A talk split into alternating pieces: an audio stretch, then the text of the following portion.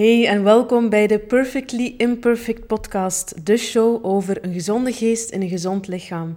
Ik ben Julie van de Kerkhoven, plant-based chef, coach en auteur en ik breng je op dinsdag tips, ervaringen en inspiratie over voeding, beweging, mental health en spiritualiteit met een knipoog.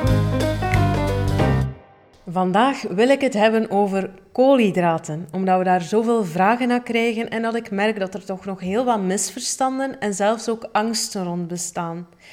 Ik wil je onder andere vertellen welke verschillende soorten koolhydraten er allemaal bestaan, waarom we ze echt ook wel nodig hebben, onder andere om onze darmflora gezond en happy te houden, wat de invloed is van koolhydraten op je vertering en indirect ook op je gemoed welke koolhydraten je het best kan combineren met keto en hoe koolhydraten je kunnen helpen om je energie te verhogen, je sportprestaties te verbeteren en ook je verbranding een duwtje in de rug te geven.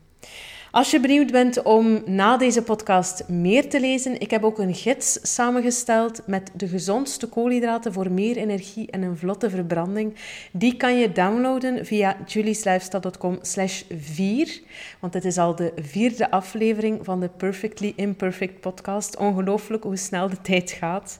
En daar vind je trouwens ook een samenvatting van deze aflevering. En als je deze podcast ook eens wil bekijken als video, die vind je ook via youtube.com slash Julie's Lifestyle. Goed, laten we beginnen met welke soorten koolhydraten er allemaal bestaan. Want er bestaan zoveel misverstanden rond. Veel mensen denken bij het woord koolhydraat aan snelle, geraffineerde koolhydraten en witmeelproducten zoals witte pasta, wit brood, witte rijst. Eigenlijk alles van snelle suikers, snelle koolhydraten. Maar koolhydraten zitten eigenlijk in bijna alles wat we eten. Wat we eten bestaat uit koolhydraten, vetten, eiwitten, grofweg gezegd, in die drie groepen. En koolhydraten zijn veel meer dan alleen maar brood, pasta, ontbijtgranen, koekjes en gebak. Koolhydraten zitten ook in groenten, alle groenten, in fruit, in noten, zaden, in peulvruchten. Dat zijn ook allemaal bronnen van tragere, complexe koolhydraten. En daarom wil ik je vandaag eenvoudig geschetst een beetje de indeling geven van wat zijn nu snelle, geraffineerde koolhydraten en wat zijn meer de trage, complexere koolhydraten. Trage, complexe koolhydraten zijn onder andere alle groenten, ook alle knollen zoals wortel, pastinaak, eh, peterseliewortel, rode biet. Die zijn al wat zoeter en ook bijvoorbeeld zoete aardappel, pompoen. Dus eigenlijk alle groenten, zowel de minder zoete als de zoete groenten, bevatten trage, complexe koolhydraten. Ook fruit, waarbij je ook weer een onderscheid kunt maken tussen suikerarm fruit met heel veel vezels, zoals bijvoorbeeld rood fruit rode vruchten zoals braambessen, frambozen, aardbeien. Um, ook citroen, limoen, pompelmoes, kiwi, dat zijn allemaal types fruit uh, die wat minder suikers bevatten. En dan heb je natuurlijk ook het suikerrijker fruit zoals mango, banaan, vaak de tropische vruchten, die zijn suikerrijker en dus ook weer een bron van koolhydraten. Daarnaast heb je de pseudogranen, eh, zoals bijvoorbeeld quinoa, amarant, boekweit. Die worden vaak tot de granen gerekend, maar eigenlijk zijn het zaadjes. En daarom voor mensen die moeite hebben met spijsvertering, die gaan vaak al gemakkelijker bijvoorbeeld quinoa of boekweit of amarant gaan verteren in plaats van de, eh, ja, de traditionele tarwe, couscous, um, rogge en alle soorten granen. Peulvruchten zoals bonen, linzen, kikkererwten zijn ook bronnen van koolhydraten. Ook wel weer wat tragere koolhydraten, dus die kan je ook gerust af en toe toevoegen aan je maaltijden. Alleen stel dat je um, een iets moeilijkere spijsvertering hebt, dat je wat gevoelig bent als het gaat over darmgezondheid. Ik zelf bijvoorbeeld ben redelijk gevoelig aan peulvruchten, omdat ze wel naar darmwerking redelijk, um, ja, soms wat belastend kunnen zijn. Uh, dus dat is een beetje afhankelijk van persoon tot persoon. Als je ze met mate gebruikt, zou dat normaal zeker geen kwaad mogen kunnen. Maar stel dat je ze dag in dag uit zou toevoegen, dan kan je wel merken dat dat zijn effect heeft op je darmen. Dus dat is ook weer heel persoonlijk. Maar de speulvruchten zoals bonen, um, gedroogde uh, erwtjes, linzen, kikkererwten, dat zijn ook allemaal bronnen van, van trage koolhydraten. En dan nog twee trage koolhydraten die ook een plaatsje verdienen in deze lijst zijn havermout en wilde rijst. Wilde rijst is uh, ja, zo'n meer een oergraan dat ook wel um, in de Chinese geneeskunde vaak wordt voorgeschreven voor je levensenergie, om je nieren te voeden. Dus als je het gevoel hebt van ik kan wel wat extra energie gebruiken, bijvoorbeeld als je heel veel sport, intensief sport, dan kan je, en dat uh, leg ik ook uit in Keto in 15 minuten in mijn boek, kan je wilde rijst klaarmaken en dat 24 uur afkoelen in de koelkast. Dus je kookt gewoon je wilde rijst of zwarte rijst bijvoorbeeld. Dat zijn allemaal tragere um, ja, varianten dan de gewone witte rijst. En als je dat 24 uur gaat afkoelen, dan gaat een groot deel van die koolhydraten zich um, omvormen, omzetten tot resistant starch. Dat is een soort zetmeel dat um, helemaal anders wordt verteerd en dat zelf je darmflora voedt. Dus dat eigenlijk je goede darmbacteriën gaat voeden en dat ook veel trager wordt vrijgegeven in je bloedsuikerspiegel. Dus dat is een tip dat ik geef als je rijst klaarmaakt en hetzelfde geldt voor aardappel en ook zoete aardappel. Probeer het eens klaar te maken en 12 à 24 uur in je koelkast te plaatsen en dat dan later gewoon als je dat wil herop te warmen of gewoon eh, onder een salade of wat dan ook te mengen, dan zal je merken dat um, het effect van die koolhydraten al helemaal anders is. Maar goed, dat was eigenlijk het lijstje van trage, complexe koolhydraten. Dan heb je natuurlijk ook de geraffineerde, snelle koolhydraten. En dat is vaak hetgene waar dat we ja, het woord koolhydraat mee gaan associëren. Dan heb ik het over um, brood, uh, wit brood, wit, witte rijst, uh, witte pasta, couscous ook, want dat wordt ook gemaakt van tarwe. Maar evengoed natuurlijk de traditionele koekjes en gebak. Um, zijn allemaal bronnen van, uh, en, en snoepgoed, frisdrank, zijn allemaal bronnen van snelle koolhydraten. En op zich is er daar nu niets mis mee.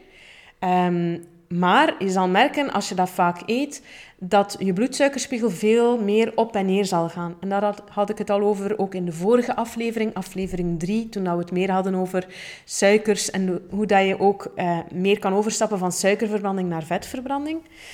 Maar dus het, uh, het grote verschil tussen die trage koolhydraten en snelle koolhydraten is, dat, is het effect op je bloedsuikerspiegel. En dat zal je vooral merken naar hoeveel zin dat je hebt in zoet en hoeveel behoefte dat je hebt aan tussendoortjes. Hoe meer snelle koolhydraten dat je eet, hoe sneller dat je vaak ook weer honger zal hebben. En hoe meer behoefte aan tussendoortjes en ook zoete tussendoortjes. En wat ook wel interessant is, is dat um, Snelle koolhydraten gaan ook het beloningscentrum in je hersenen gaan uh, stimuleren. En dat zorgt ervoor dat je echt ook een high kan ervaren, maar dat je daarna ook wel weer een low krijgt. En dat heeft dus niet alleen zijn effect dan op um, hoe snel dat je weer naar een tussendoortje grijpt, maar het kan ook een groot effect hebben op je gemoed. En dat was voor mij toch wel een hele belangrijke. Toen ik uh, keto begon te eten en eh, meer uh, trage koolhydraten uit bijvoorbeeld knolgroenten, in plaats van die snellere koolhydraten, merkte ik dat ik niet alleen minder behoefte had aan tussendoortjes, maar ook dat mijn gemoed, mijn mentale, mijn mental health, mentale gezondheid, dat dat ook wel echt wel werd beïnvloed.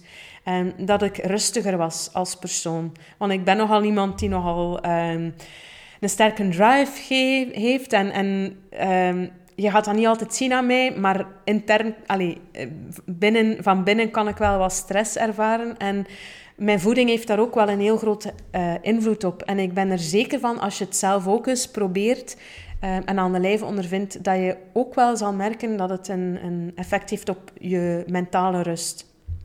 Nu, als je los wil breken uit die suikerrollercoaster, als je nu nog vaak uh, ja, suikers en snelle koolhydraten eet en dat je zegt van ik wil dat eigenlijk wel een keer proberen om te zien wat het effect is um, op, op mijn energie en mijn gemoed, ga dan zeker naar julieslifestyle.com slash 3. Dat is uh, de uh, vorige aflevering, want daar kan je ook een Stop Sugar Cravings gids downloaden met een heleboel praktische tips.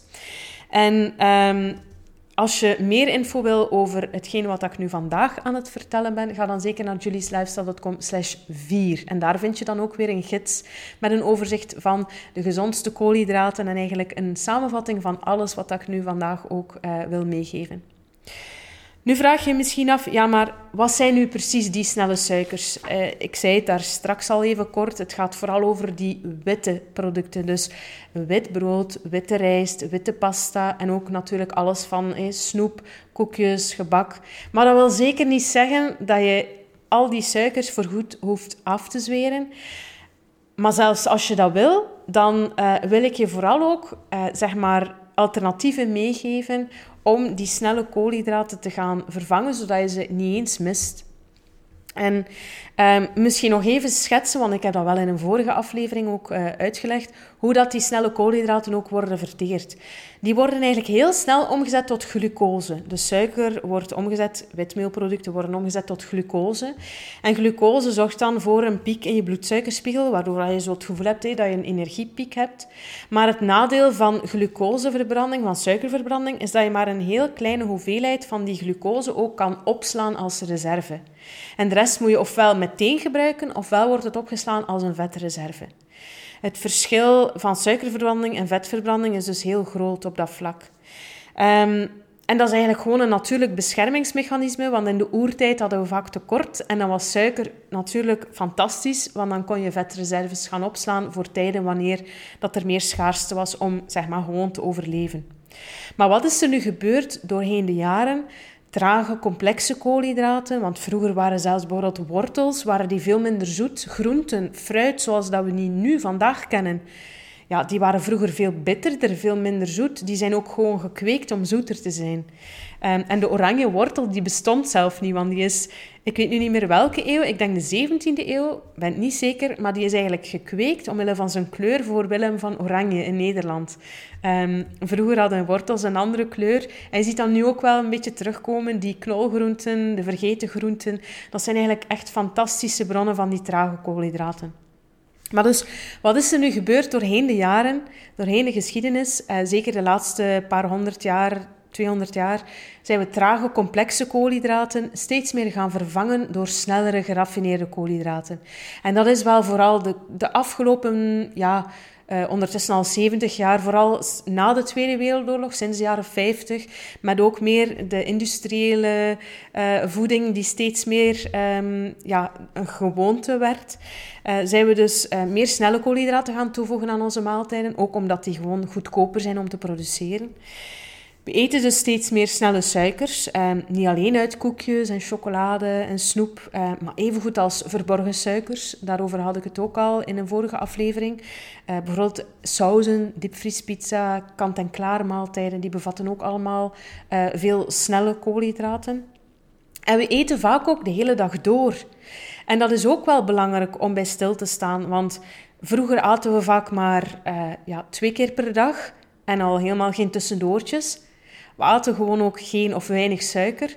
Behalve in de zomer, want dan was er overvloed aan fruit. En dan was het ook echt het moment om meer uh, suiker te eten en dat dan ook op te slaan voor later.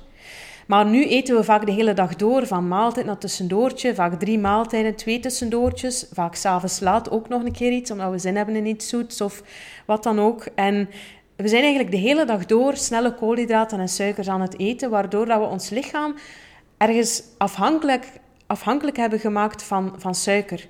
Maar het goede nieuws is dat je dat wel, dat proces kan uh, terugdraaien en veel gemakkelijker dan dat je denkt. Je kan op een aantal weken je lichaam um, weer gewend maken om over te stappen op vetverbranding. En daarover kan je natuurlijk uitgebreid lezen in de keto-boeken. Um, maar je kan ook je gratis e-book downloaden op judieslifestyle.com, waar dat je uh, een keto-dagplan krijgt, een menuplan met recepten en alles erop en eraan. Dus dat kan je ook downloaden via onze website.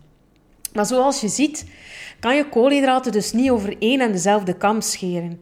Um, er zijn goede, trage, complexe koolhydraten die veel minder effect hebben op je bloedsuikerspiegel. Die er ook zelfs voor kunnen zorgen dat je minder behoefte hebt aan zoete tussendoortjes.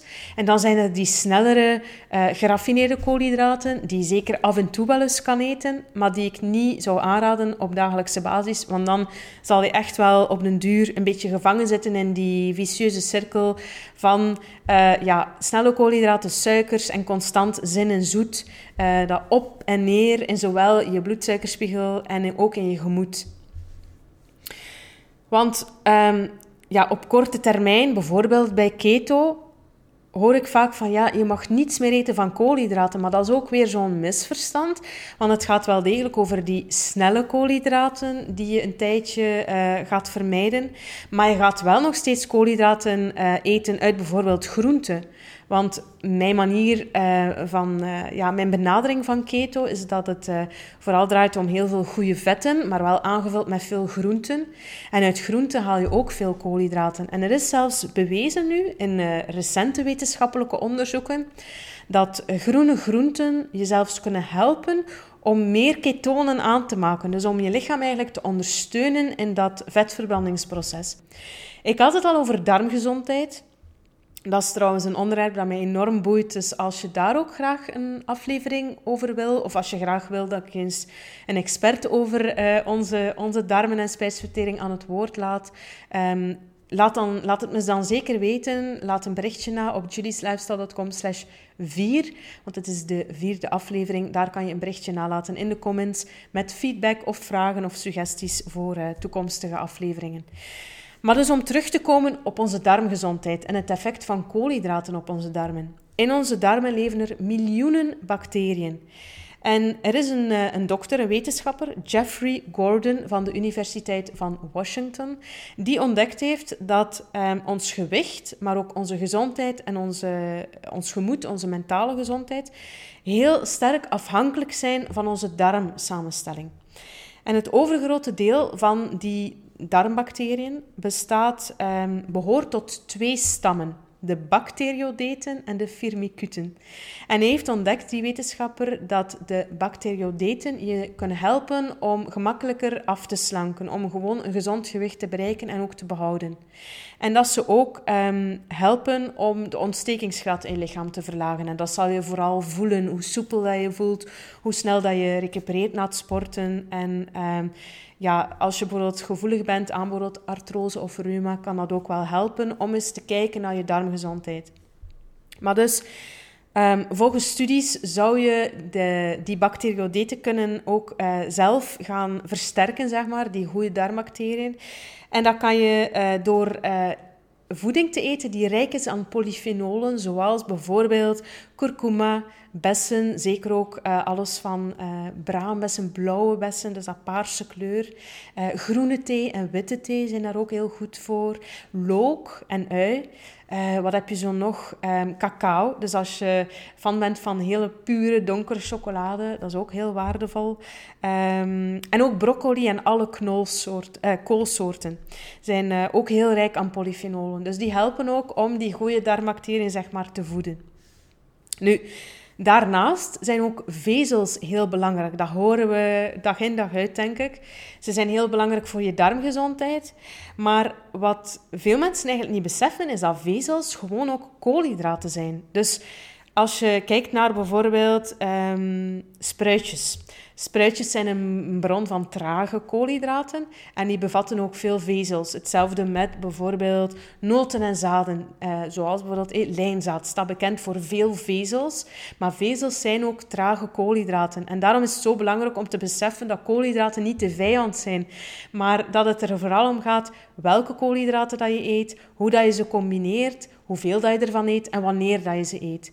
In een vorige aflevering legde ik al uit dat je lichaam s'morgens het beste in staat is om vetten te verbranden. En s'avonds dan weer um, heel veel baat heeft bij wat meer van die trage koolhydraten. Zoals bijvoorbeeld een keer frietjes van zoete aardappel. Of uh, overgebakken pompoen. Of wat het ook is uh, dat je graag lust. Um, Maar er bestaan twee soorten vezels en beide zijn heel belangrijk ook voor onze darmgezondheid.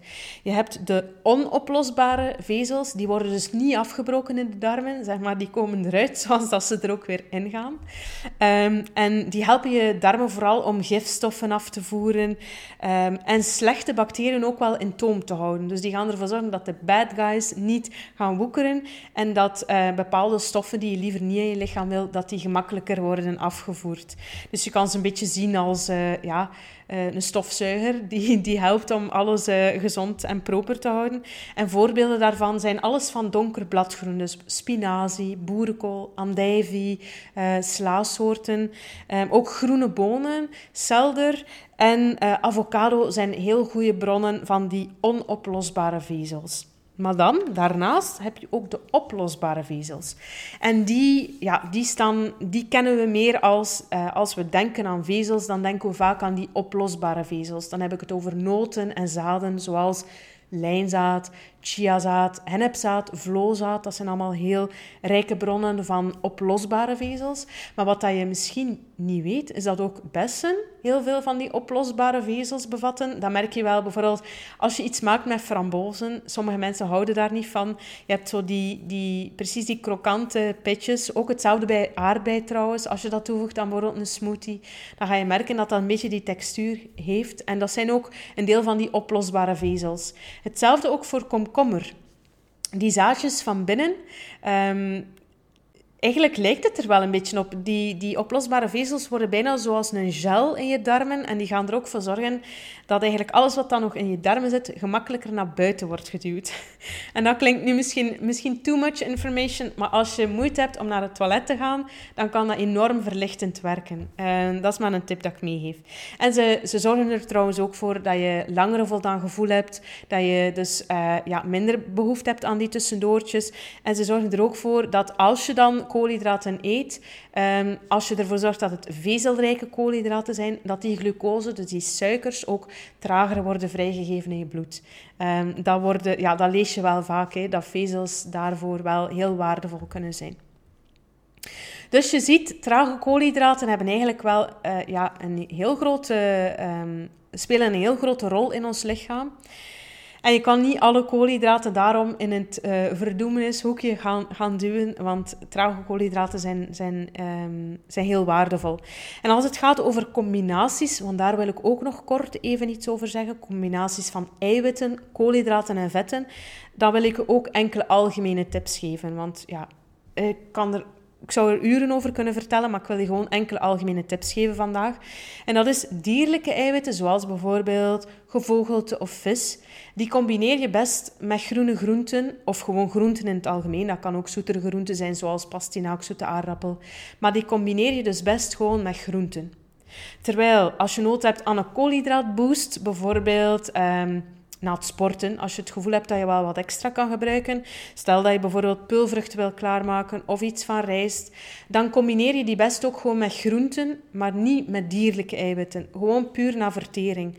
Natuurlijk hoef je je niet vast te houden aan vaste regels, um, maar dat zijn gewoon tips die ik wil meegeven, puur naar vertering toe. Als je zelf een gevoelige vertering hebt. Suikerarm fruit kan je ook heel gemakkelijk gaan toevoegen aan je maaltijd, aan je ontbijt, bijvoorbeeld in een porridge of in een chia pudding. Dan heb ik het bijvoorbeeld over bessen zoals frambozen, aardbeien, braambessen. Maar suikerrijk fruit, zoals bijvoorbeeld banaan, mango, stel dat je zin hebt in iets zoets van fruit, dan combineer je dat best ofwel... Um, Nee, sorry, dan combineer je dat best niet. Maar dan eet je dat dus best ofwel op een nuchtere maag, um, ofwel als eerste wat dat je eet, ofwel ga je het los van je maaltijden zien. Maar als je dat gaat bijvoorbeeld eten als, um, als dessert, dus stel dat je een, een redelijk zware maaltijd hebt gegeten en dan neem ik nog een banaan als dessert, ja, dan ga je vaak een beetje fermentatie in de darmen creëren. Want fruit verteert heel snel en dat ligt dan eigenlijk te fermenteren in je darmen op de rest.